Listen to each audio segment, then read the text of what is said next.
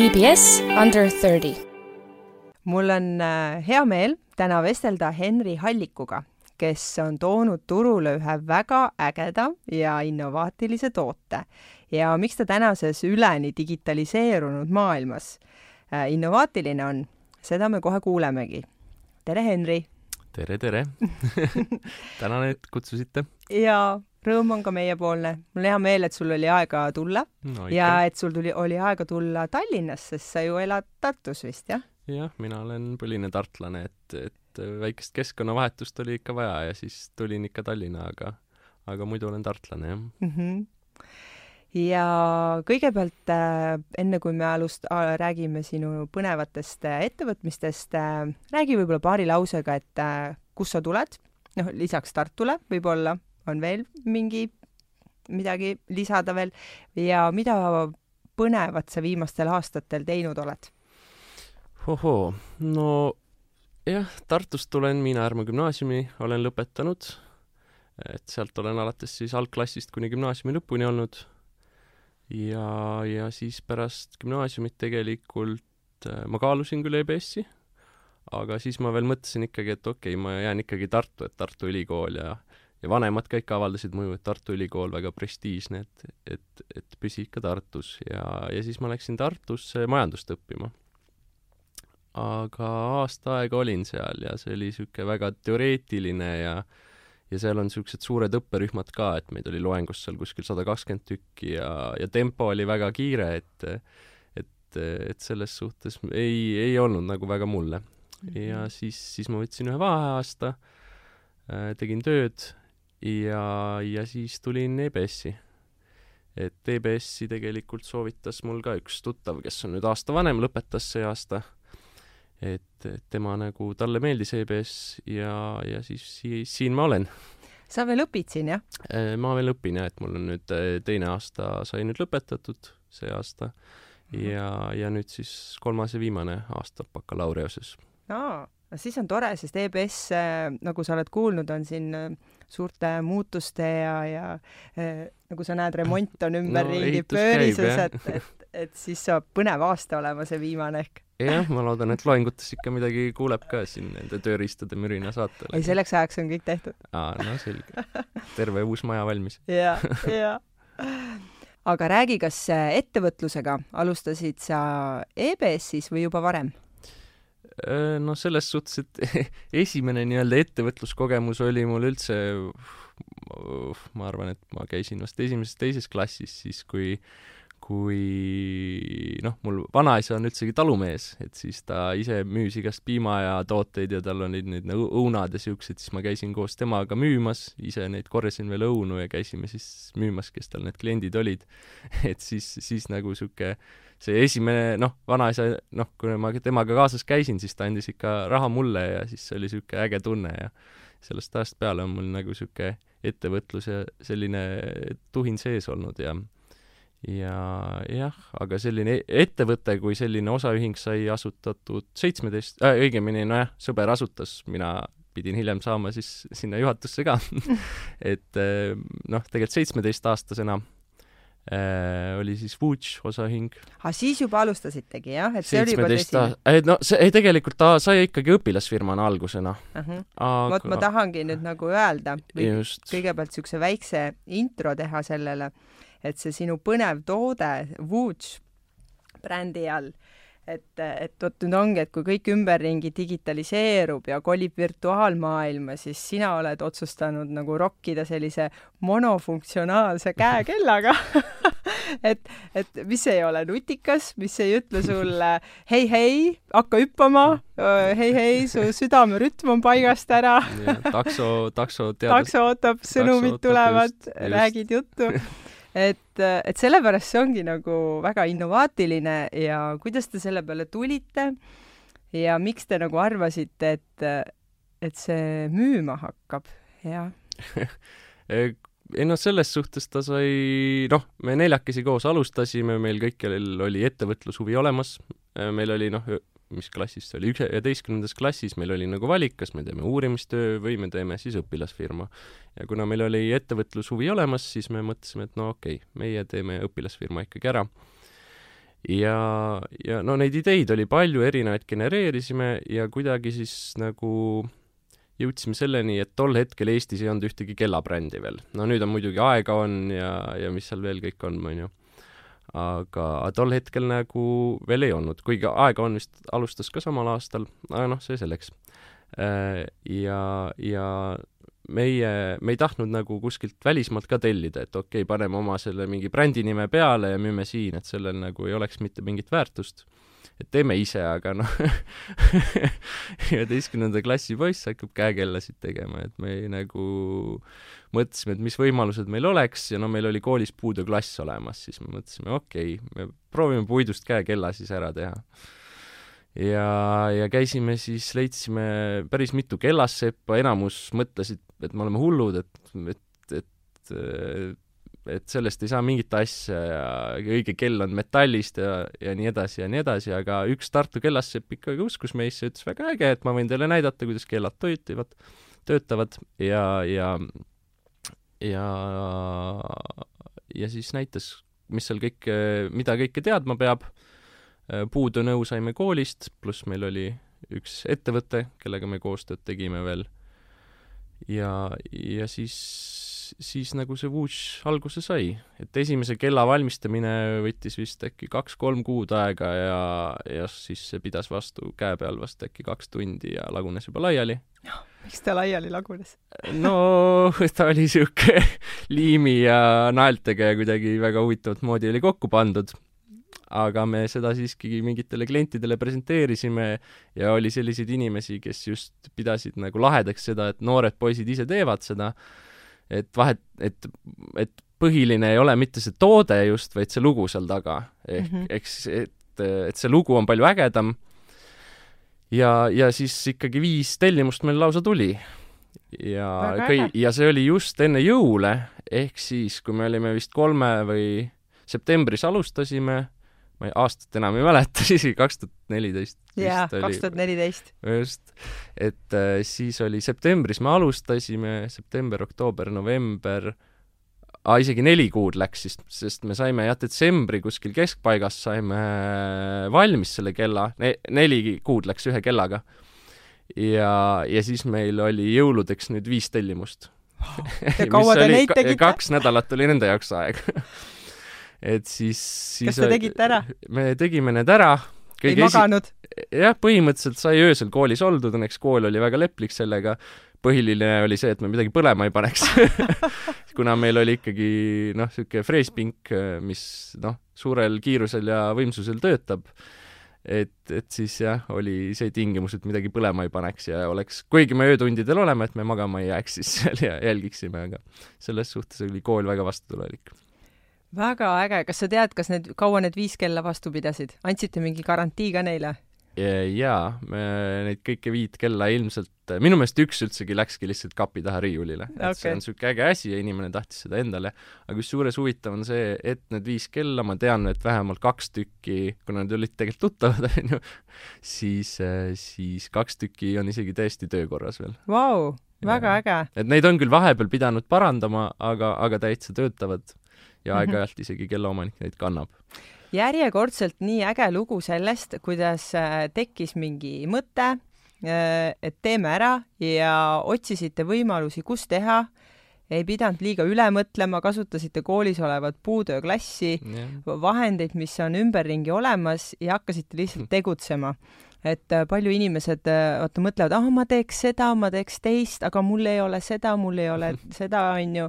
et need on ainult vabandused ja sihuke edasilükkamine, tegelikult on kõik tehtav. jah, kusjuures see on nagu huvitav, et nagu tagantjärgi mõtlen, et meil ei olnud üldse siis nagu kriitilist mõtlemist, et me ei analüüsinud neid asju nagu üldse nii läbi või kõik tundus sihuke, et davai, teeme ära ja mm -hmm. et nüüd, kui sa mingit uut ettevõtet alustad, siis on ikka, et kas see toimib ja no mõtled palju rohkem läbi analüüsid, ja analüüsid ja siis ikkagi kogud just, testid. just, täpselt nii. ja lõpuks ei teegi ja lõpuks ei teegi, jah. et, et siis meil oli nagu see, et meil no meil tegelikult aeg surus peale, et siis meil oli see eesmärk, et me peame lihtsalt õpilasfirma raames midagi ära tegema mm. -hmm. ja see, meie eesmärk oli lihtsalt miskit ära teha ja teha seda endast no ei noh, kõige, nii hästi, kui me suudame. ja, ja eesmärk ei olnud üldse raha teenida eesmärk oli see, et see protsess oleks nauditav ja, ja et see nagu, et meie tunneksime, et me andsime selle programmi raames nagu maksimumi. Ja kuna asi veel toimib, siis tundub, et tundub, et oli hea start? just.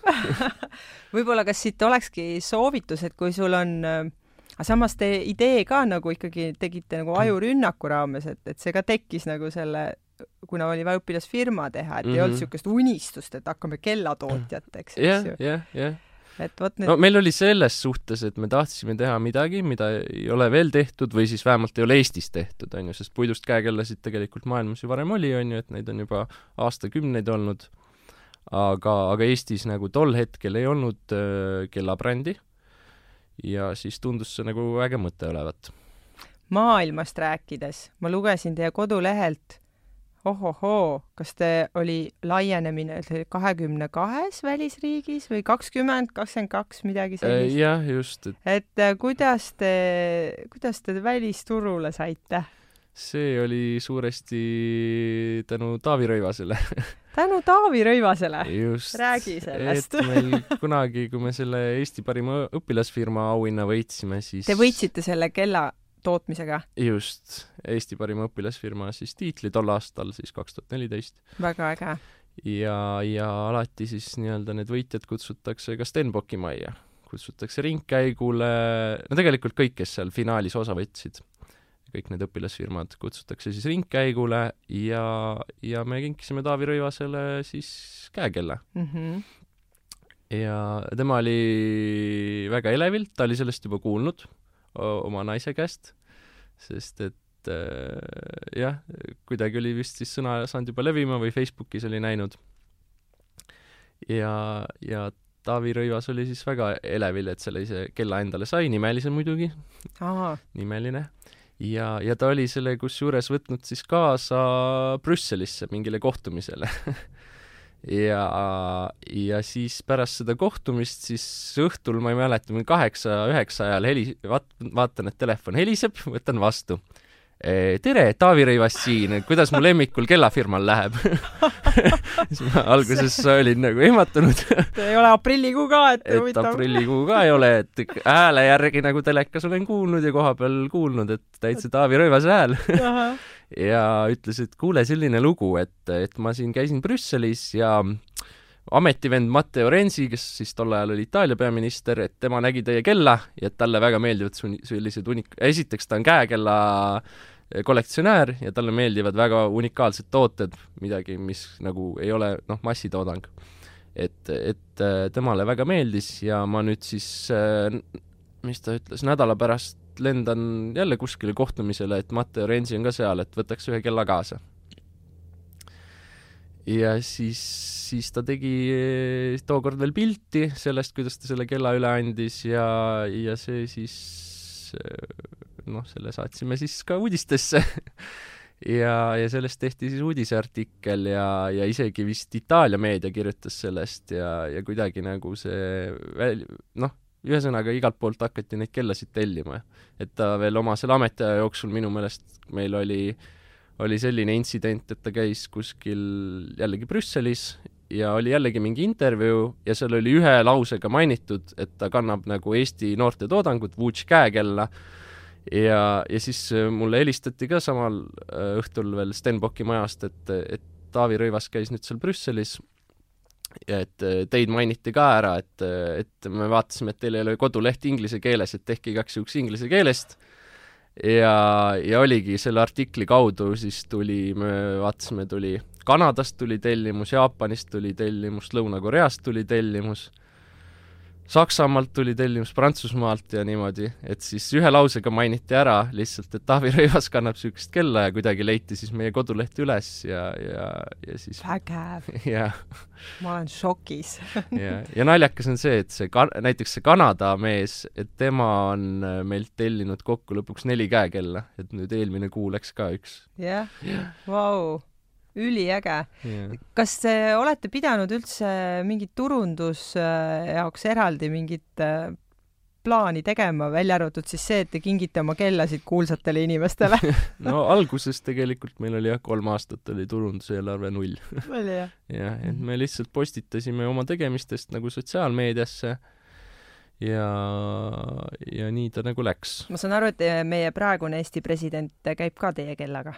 Nüüd ma ei ole väga näinud, ma ei ole nii jälginud ka, aga ma tean, et Kerstil täitsa kell on olemas, jah mm. -hmm kas see oli ka kingitus või? see oli, ta käis äh, Saaremaal, käis ühes ettevõttes visiidil ja siis see ettevõte noh, teadis, et ta tuleb ning me siis tegi kingituse mm. -hmm. Et sinna jah ne,, neil oli veel pakendi puhul niisugune erisoov, soovisid metallplaati sinna peale ja niisugune väga fancy eritellimus oli siis väga äge kuule, aga räägi siis äh, võib-olla natuke sellest taustast, et te alustasite oma gümnaasiumi tööõpetuse mingi puiduklassis mm -hmm. või mhm. puutööklassis sellega ja kuidas te siis sealt välja kasvasite või toimib teil see tootmine siiamaani seal puutööklassis? ei, me,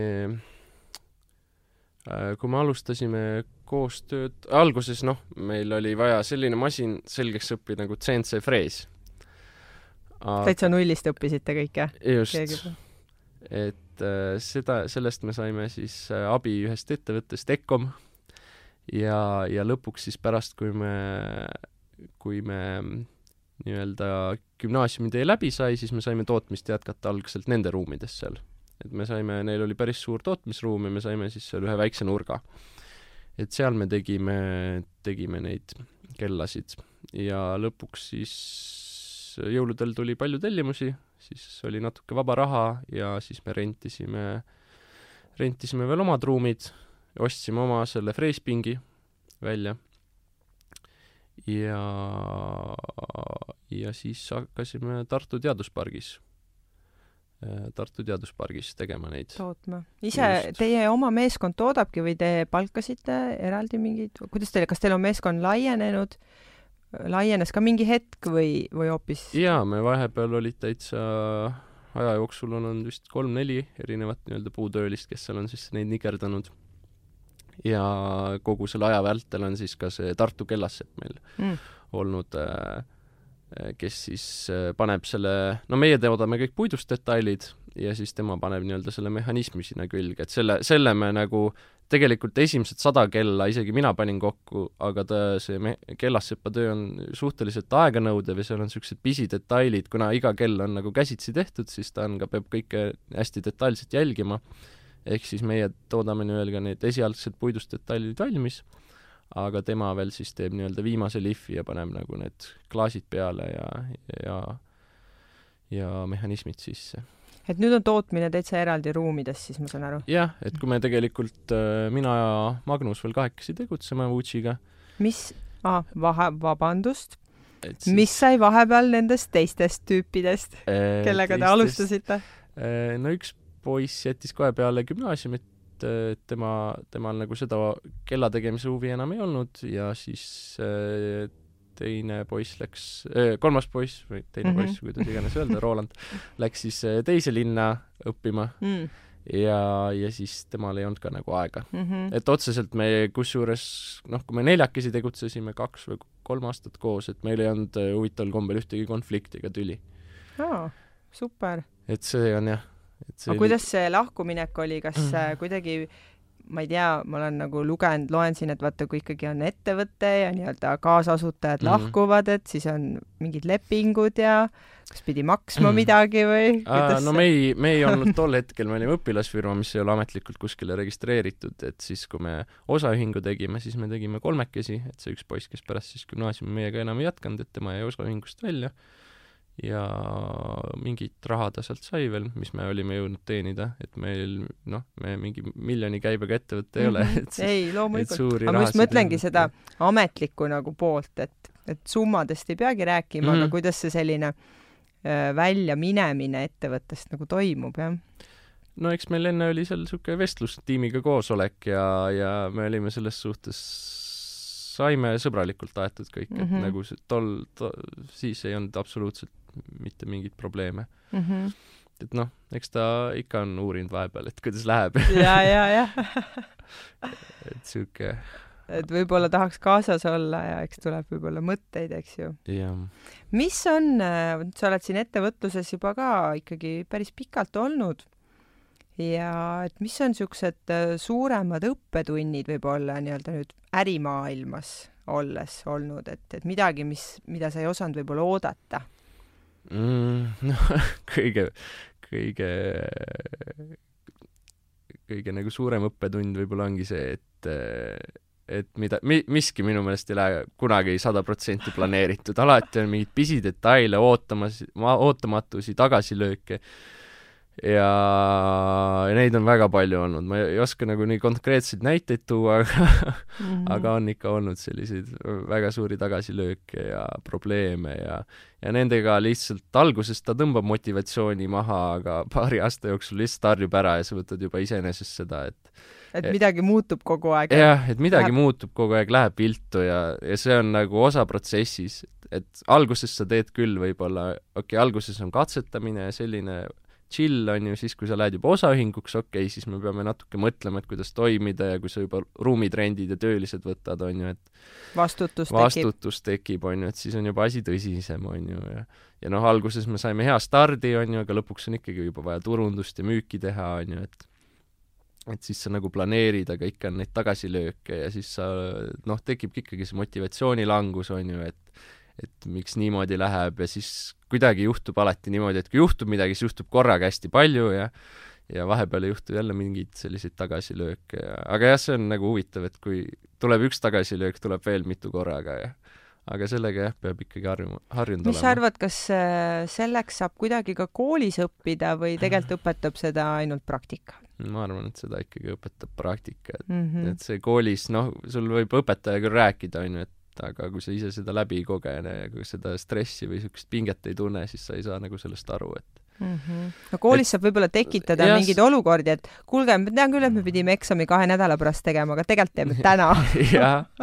või noh, selles suhtes sa saad mingeid nagu läbimänge ikka teha, et või, või teistel näitel õppida, et kuidas nemad, neil tekkis mingi viga, et mida oleks võinud teha ja nagu sellest saab nagu äh, kuidagi valmistuda või õppida, aga sada protsenti nagu noh, need probleemid võivad täiesti etteaimamatud olla, et äh, sa õpid EBS-is ka praegu, et äh, mis erialal sa õpid? Äh, ettevõtlus ja ärijuhtimine bakalaureuse-s. bakalaureuse-s, jah? räägi, kas see, see õpingud nüüd mm. EBS-is, vot sul ongi hea ju ka võrrelda, sa olid Tartus, eks ju, et nüüd mm -hmm. oled EBS-is, et, et kas see EBS-i õpingud on ka toetanud natuke sul seda praktilist ettevõtlus toimimist siis nii-öelda või? Jah, on küll, et, et kui Tartu Ülikoolis oli just niisugune majandus ja teooria, on ju, et siis seal nagu võib-olla mingit finantspoolt nagu oskad, aga aga see on rohkem niisuguse suurema organisatsiooni asi, et nagu mul ei ole veel niisugust nagu suurt majandusteadust mm -hmm. veel vaja läinud.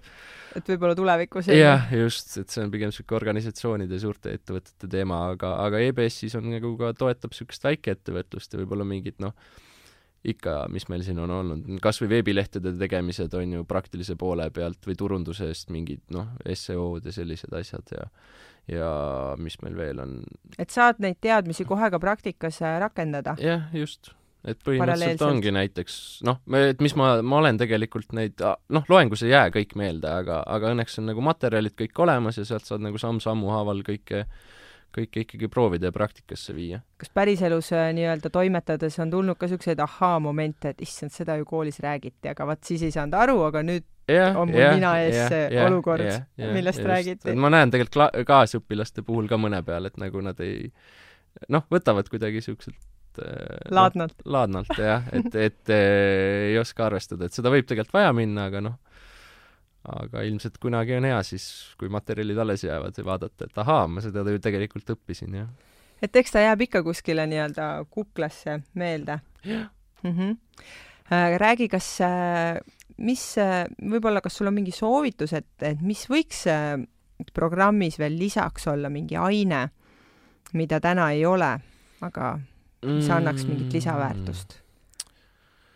Aine puhul ma ei oskagi niimoodi nagu öelda, aga või mingi tegevus? soovitust ja. ma võin selles suhtes anda, et esiteks noh, nendele gümnasistidele kindlasti õpilasfirma teha mm, -hmm. et see praktika käigus ja no EBS-is on see tudengiettevõtted aine, mis on siis kaks, kaks semestrit, et see, seal nagu võiks maksimumi võtta mm. -hmm.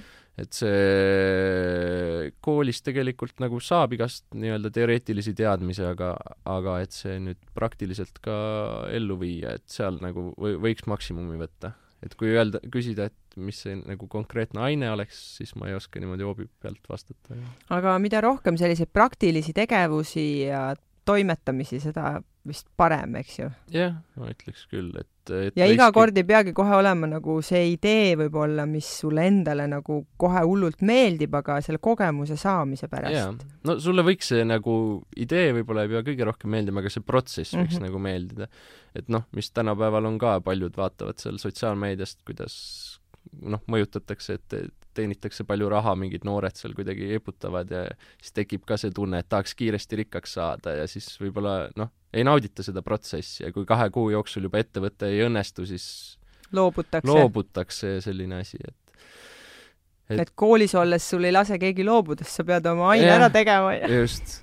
et selles suhtes, et see võimalus on antud ja sellest võiks nagu maksimumi võtta, et et, et äge jah tahtsin veel, üks asi jäi mul silma, kui ma mm, su kodulehte vaatasin, et, et olete oma äripartneriga kommunikeerinud, et läbi teie kellade saab aega eriliselt kogeda. et kust selline mõte tuli, et äh, no võib-olla selles suhtes, et, et see nagu lugu seal taga annab nagu mõtte juurde, et saab aega eriliselt kogeda. Et kogu see, et äh, keegi on selle aja panustanud sinna, et, et see käekell nagu valmis sünniks. käsitööna. käsitööna, et siis, et siis nagu hinnata selliseid asju. sellised väiksed väärtused. et kui sa kella vaatad, et siis sul võib-olla tuleb nagu see meelde, eks ju. kas teie kellad on veekindlad?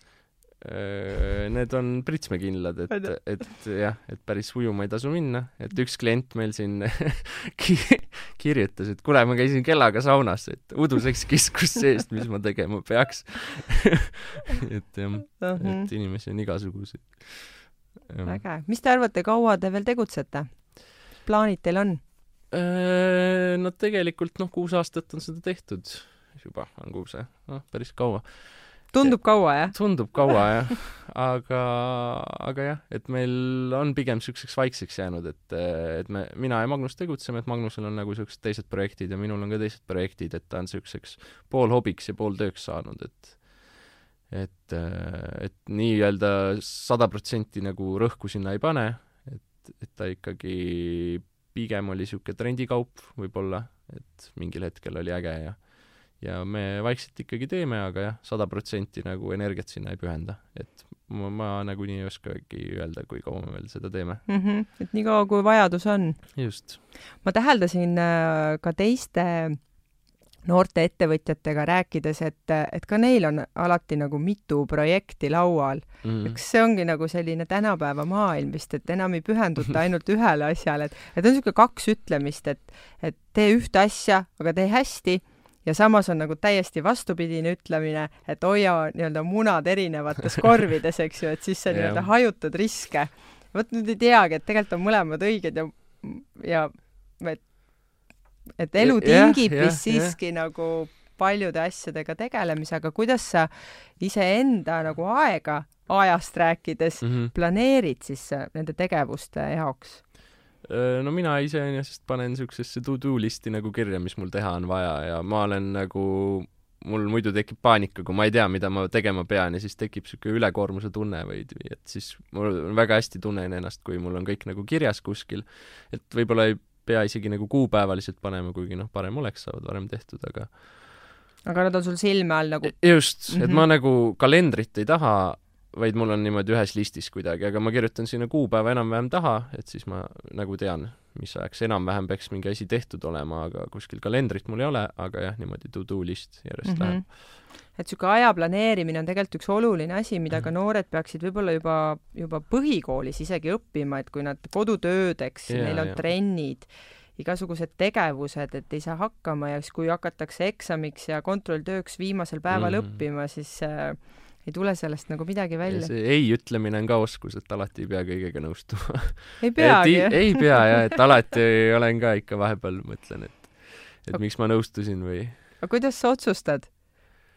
Ma mõtlen, et kas sellest oleks mulle mingi uus kogemus, kas oleks äge, kas oleks meeldejääv, et kui ma mingi aeg hiljem mõtlen, et siis mul oleks noh, meeles, et ma tegin seda. kas ta lisas väärtust Jah, su praegustele tegevustele Just, võib-olla, eks just. mm? -hmm. varem podcast'is ma ei ole käinud, minu meelest on siin täna päris äge olla.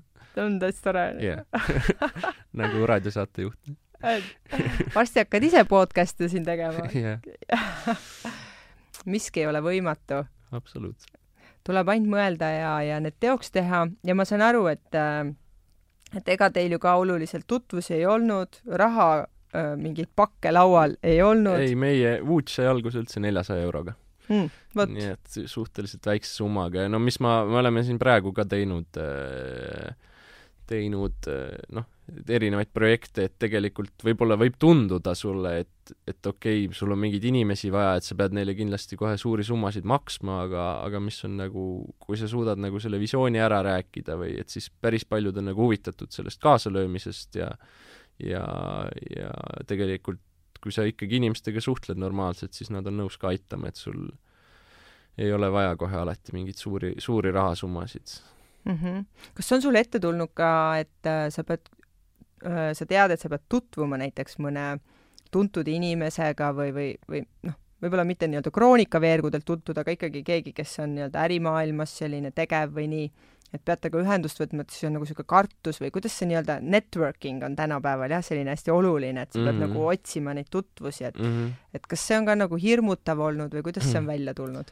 Äh, see on, alguses on hirmutav, aga lõpuks ta muutub niisuguseks nagu harjumuseks. ma arvan, et iga asi on alguses, noh, on ikka hirmutav, aga lõpuks saadad need kirjad ära ja, või helistad ja ja kui inimesed on nagu positiivselt vastavad ja et tegelikult ei ole, et tegelikult nad ei olegi hirmsad, eks ju Jah.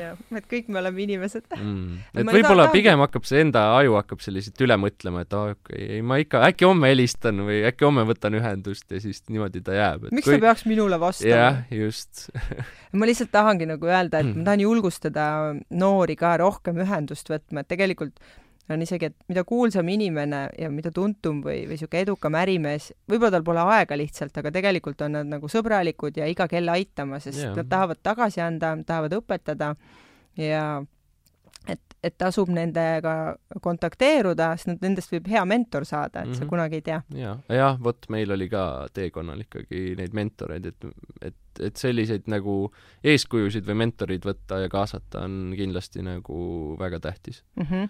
et võib-olla täitsa nagu mõeldagi, et sul on mingi valdkond, kes on seal tegev ja lihtsalt sellepärast temaga ühendust võtta, et Jaa, ta sind äh, just. nõustaks. jah, et mine kas või ma ei tea, töövarjuks või midagi sellist, ma arvan, et nagu see töövarjuks olemine kuu aega võib sulle õpetada kuu aega palju rohkem kui näiteks koolipingis siin poole aastaga. Mm -hmm. et kohe käed külge, praktika, eks ju, absoluutselt, jah. vestlused. super, Henri, nii äge oli sinuga siin rääkida ja me võiks siin, ma arvan, veel rääkida pikalt, aga kes see tänapäeva kiires maailmas jaksab kuulata, aga mis sa võib-olla soovitaksid või sooviksid noortele? Äh, et alguses vähem mõtlemist ja rohkem tegutsemist ja pealehakkamist, et et, et vead õpetavad. nii et ja, ja eksida on okei okay. absoluutselt, ei pea kohe nädalaga rikkaks saama ja, ja no,. kannatlik naudi protsessi ja, mm. -hmm. väga äge, suur aitäh sulle. ja tänud kutsumast.